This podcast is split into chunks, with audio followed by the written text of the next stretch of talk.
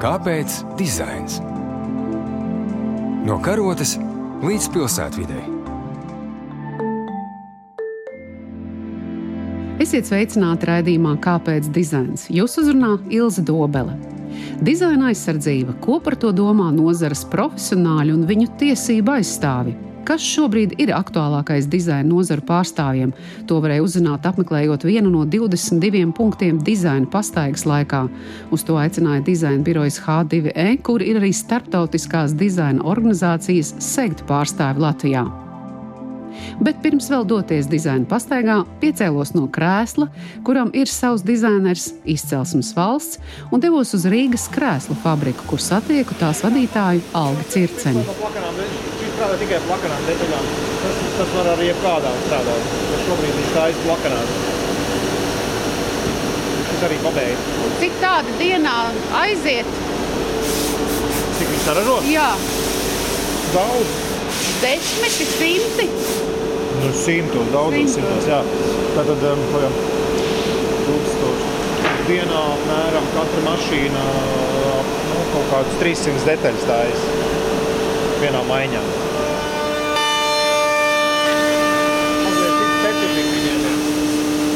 tādā laukumā. Krēsls kā viens no ikoniskākajiem simboliem dizainā, manuprāt, vai tas varētu būt arī visvairāk piedzīvojis dažādas modifikācijas, vēlmi to kopēt, atdarināt? No interjera jomas visticamāk, ka jā. Man šķiet, ka krēslā var visvairāk variācijas iespējas teiksim, atrast atšķirībā no grāmatu plaukta vai drēbes skāpja. Lielākā daļa autori krēslā saskata to vislielāko izaicinājumu un iespējams ar to arī visvairāk strādā. Nu, pasaulē droši vien ir miljoniem dažādu krēslu. Vai ir desmit, varbūt pat mazāk vai vairāk veidu, no kuriem tas viss vispār ir sācies? Ir gan, jā. Droši vien var identificēt. Tur būtu patiesībā vēsturniekiem jāstrādā, kas par dizainu beigas interesējas. Ir tāds šveiciešu uzņēmums Vitra.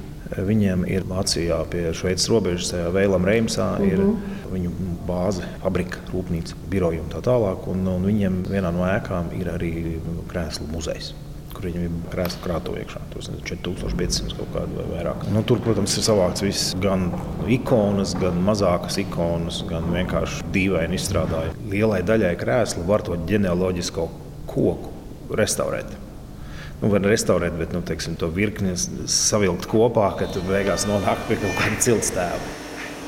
Aldis Circenis ir arī tirzniecības zīmes Rīga Čēra radītājs. Viņa darbs novērtēts vairāk kārt. Īpaši jāizceļ saņemtā prestižā Red Dot Design vārdu balva produktu dizainā par paša dizainēto blūmu tabureti, bet rotaļu zirdziņš rū novērtēts ar IF produktu dizaina balvu.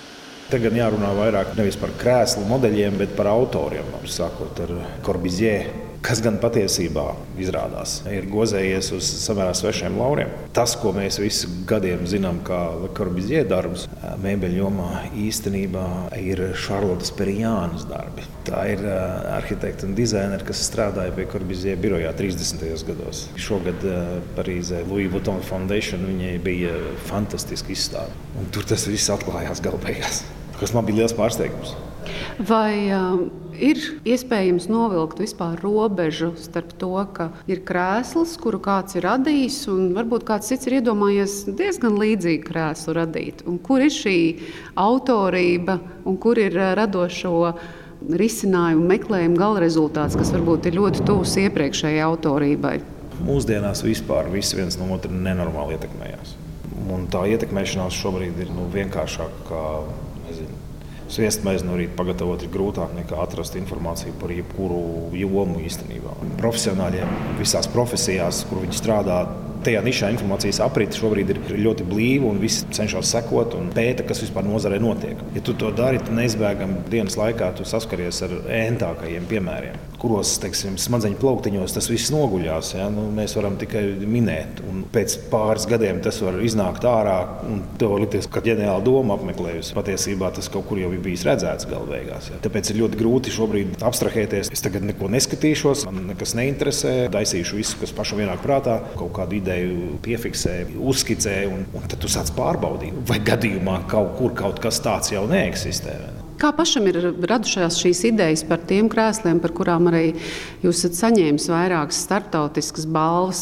Pamatā tas ir ar mērķi atrast atšķirīgo, uztvert kaut kādu varbūt niansi, nevis teiksim, kaut kādu ģenerālu domu, jo tās tiešām man liekas, viss ir uztverts vēl bet kaut kāda nianse, ko tu tiešām neesi nekad redzējis. Nevis izdomāt teiksim, gatavu bildi, bet drīzāk domāt par koncepciju, par principiem pašiem. Un tad tu kaut ko varbūt vari tādu izdarīt. Ja mēģini uzreiz strādāt ar tādiem vizuālajiem tēliem, tad uh, tur reti kaut ko var uh, jaunu panākt. Kāpēc dizains? Bet kā tiek regulētas un uzraudzītas autortiesības dizainā, to jautāju advokātu biroja Vilgerts zvērnātai advokātei Brigitai Tēraudai. Dizaineris, radot savu darbu, automātiski iegūst arī aizsardzību. Tas nekur nav obligāti jāreģistrē, jāpiesaka. Autortiesības ļoti senas, un droši vien mūsu autortiesību likums arī kaut kur balstīts kādā Francijas autortiesību izpratnē, kas, protams, ir mūsdienās jau krietni mainījies. Bet jāsaka, ka mūsu autortiesību likums ir ļoti tradicionāls un varbūt brīžiem nepiemērots mūsdienu interneta videi. Vairāk viņa lasot, ir saprotama, kā tiek aizsargāts grāmatas, gleznas un īstenībā arī varbūt pat dizains. Nereti ir diskusija par to, kā novilkt šo smalko robežu un vai tā robeža vispār pastāv starp to, ka cilvēki nereti pasaulē nonāk pie līdzīgiem risinājumiem, tā skaitā arī dizainā, ne tikai medicīnā vai zinātnē. Un kur ir šī smalkā robeža starp to, ka jā, šis ir oriģināls darbs? Tas tiesiskais regulējums ir ļoti vienkāršs. Nedrīkst bez autora atļaujas darbu izmantot. Viss tālākais man kā advokātam jāsaka jāsaka, ir tāds pierādīšanas jautājums. Jāsaprot, ka tiesās lielākoties nebūs ne dizaina, ne mākslas speciālisti. Līdz ar to tas ir vienmēr interpretācijas, pierādījumu un tiesību normu iztulkošanas, varētu teikt, jautājums. Bet kā tad lai es pasargāju sevi no iespējas, ka mani kāds noteikti kopēs? Tas, ko dizainers var darīt, viņš var savu dizainu reģistrēt ar tā saucamo dizaina parauga patentu. To var izdarīt gan Latvijā, Latvijas Republikas patentu valdē, gan Eiropā. To var izdarīt Eiropas Savienības intelektuālā īpašuma birojā. Tas ir jāsaka ļoti vienkāršs process, tas ir lēts process, īpaši pašam dizaineram. Tad mēs īstenībā iesakām šo dizainu kaut vai kaut kur pieregistrēt, jo jāsaprot, ka pēc tam būs krietni vieglāk vieglāk šo aizsardzību realizēt. Vienkārši kaut vai tai pašai otrai pusē vai tiesai parādot, ka man ir kaut kāda reģistrācijas apliecība, un te ir tas fiksētais, to sauc par dizaina paraugu, jā, kas ir reģistrēts. Un, ja mēs paskatāmies no otras puses, ja cilvēks kā dizainers um, rada kaut ko jaunu, kā viņam nenokļūdīties un um, pilnīgi drošam būt par to, ka viņš ievēro visu šīs autorības. Nu, gribētos domāt, ka tas dizainers, kas strādā savā specialitātē, tā sakot, tver to dizaina lauku un to dizaina attīstības stāvokli, kas pastāv ne tikai Latvijā, bet arī pasaulē. Līdz ar to jāsaka, ka šeit nebūs tik daudz darbs eh, juristam, kā saprast, kā viņš kaut ko nepārkāp. Mēs, protams, varam veikt meklējumus datubāzēs, kas ir sarežģīti, vai vienkārši nezinu, mēģināt atrast internetā kaut ko līdzīgu, ko mēs bieži darām arī dažādos strīdos. Vai tas, ko mums saka, ka tas ir aizsargājums, vai tas nav kaut kas jau triviāls un sen jau kaut kur pastāvošs. Nu, jāsaka tā, ka darbs pašam dizainerim saprast, vai viņš tikai iedvesmo atbrīvojas no tendencēm, vai viņš tiešām paņem kādu darbu un nokopē. Varbūt pat nejauši. Jā. Latvijā nav tādas dizaina policijas vai nezinu, dizaina prokuratūras vai kaut kāda inspektora, kas staigātu riņķī un mēģinātu atrast kādus pārkāpumus.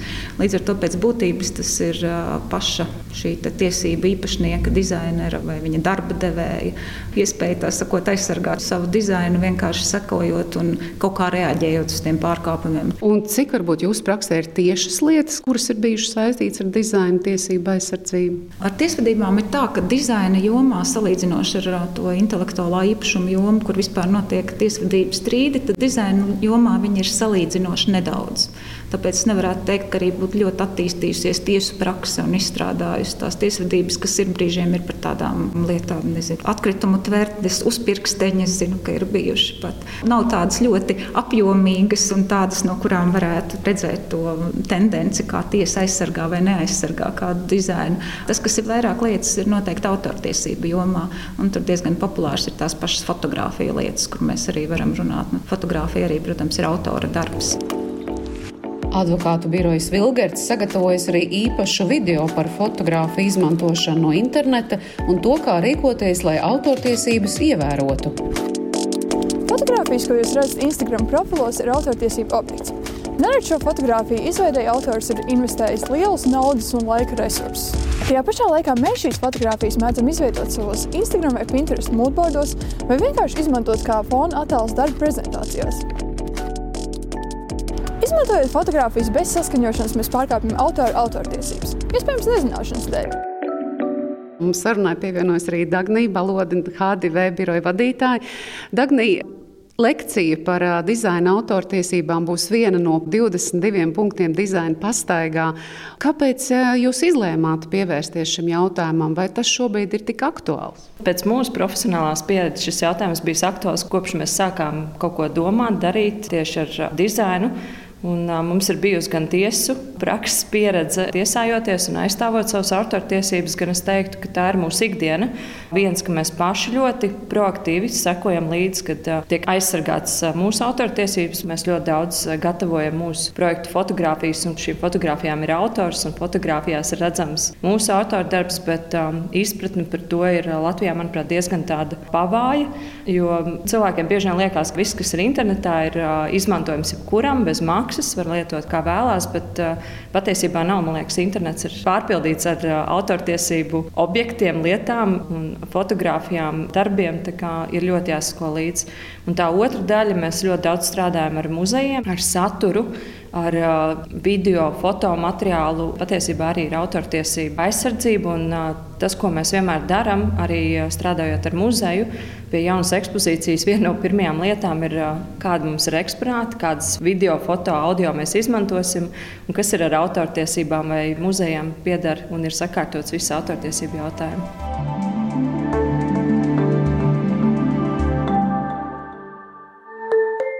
Bet kāda ir Alda Circeņa pieredze un arī vērojumi par autorības nostiprināšanu vai tās pārkāpumiem, un vai kāds ir ietekmējies arī no viņa idejām?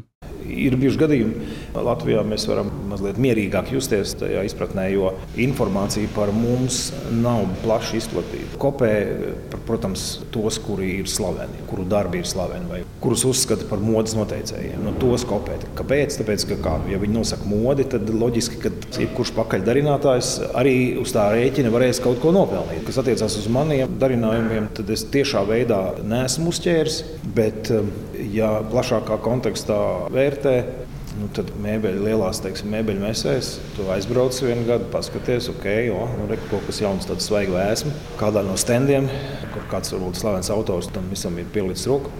Pēc diviem gadiem jau ir gan vienā, gan otrā, gan trešā vietā. Jau kaut kas tāds, jau kaut kas atvasināts un jau kaut kas līdzīgs. Un tad vēl pēc kāda laiciņa ir vēl un vēl un vēl. Un pēc četriem, pieciem gadiem tas trends jau ir pārņēmis visu nozari. Ko jūs šeit Rīgas krēsla fabrikā darat? Jūs kaut kādā veidā aizsargājat savus ražojumus? Vienmēr, ja kādam ir ļauni nolūki, tad, eh, lai pret to aizsargātos, tev jāvar pierādīt, ka tu biji pirmais. Tas, ko vienīgais, ko dizainers var darīt, ir reģistrēt dizaina paraugu. Patentu valdē. Un jūs to esat darījuši? Jā, mēs to esam darījuši. Jā, jā, teiksim, uz tiem unikālākajiem produktiem, kur mēs saprotam, ka tur ir kaut kas, ko kāds gribētu nospērt. Ja? Bet mēs neesam saskārušies ar situāciju, ka tā reģistrācija būtu jāpielieto un kādam būtu jāpierāda, ka nē, tu to nedrīkst darīt. Jā, tas ir mūsējais.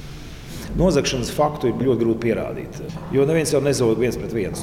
Nu, labi, nu, mēs zinām, Ķīnā jā, nu, viņi kopē vienkārši brutāli kopē oriģinālu produktus. Arī mēbelēs, tiksim, slaveni dāņu dizaina ikonas. Tādā nu, mēbeļu jomā pamatā tas viss saucās ietekmēšanās. Jo tas, ko tu nevari reģistrēt, estētisku, modīgu teiksim, nu, parādību vai kaut kādu īpašību kopumu, kas pēkšņi kļūst modīgs. Nu, nu, to nevar. Nu, tas kļūst stihiski modīgs. Un vēl kā atzīst Aldis Circenis, neviens sevi cienošs uzņēmums nenodarbosies ar intelektuālā darba zakšanu. Tomēr arhitektūrā, dizainā profesionāļi mēdz viens no otra ietekmēties, tāpat kā tas notiek mūzikā un literatūrā. Un raidījuma noslēgumā vēl arī par dizaina pastaigu kopumā. Šī lekcija būs viena no šiem vairākiem pieturas punktiem dizaina pastaigā. Dagnī, vai var lūdzu pāris vārdos izstāstīt, cik dažādi būs šie pietura punkti? Tas ir ļoti apzināti, ka šie punkti ir ļoti dažādi, jo mēs gribējām runāt par dizainu ne tikai dizaina birojā, kā tas varbūt ir ierasts domāt, bet runāt par dizainu un arī par radošiem risinājumiem arhitektu birojos, pilsētvidē, tā skaitā advokātu birojos par šo savu autoru darbu aizsardzību. Arī patentu valde ir tā, kas runās. Tas ir arī ražotnes, kur top inovācijas un arī dizains. Tas ir digitālais dizains, gan Accenture Latvija, gan SAP Latvija, kas varbūt arī daļai cilvēku neuzticēs ar dizainu tiešā veidā.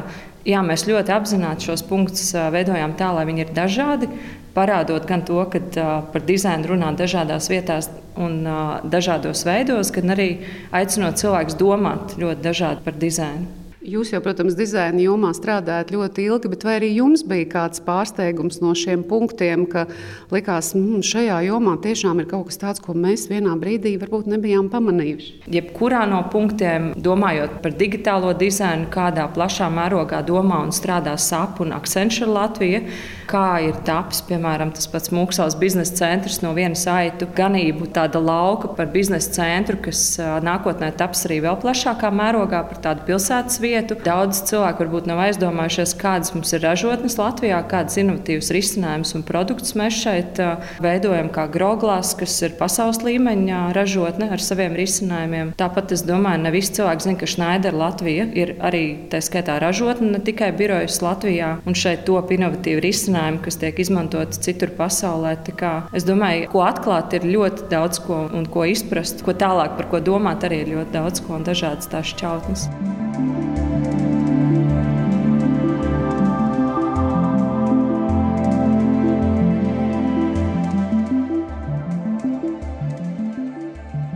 Pēc HDV iegūtām tiesībām pirmajiem Baltijas valstīs pārstāvēt starptautisku organizāciju SEGD, šis ir jau trešais pasākums kopš gada sākuma, lai veicinātu pieprasījumu pēc izcelības dizainā. Šogad vēl padziļinātāk uzmanību būs pievērsta navigācijas dizainam, un plāns ir gatavs jau arī nākamajam gadam. Šī raidījuma skaņa montē Judita Bērziņa, studijā Ilza Dobele. Paldies Kultūra Kapitāla fondam par atbalstu, un šo raidījumu varat klausīties arī savā podkāstu aplikācijā. Uz tikšanos! Kāpēc dizains? No karotes līdz pilsētvidē. Pirmdien, 9.5. ar atkārtojumu sestdien, 18.18. 18.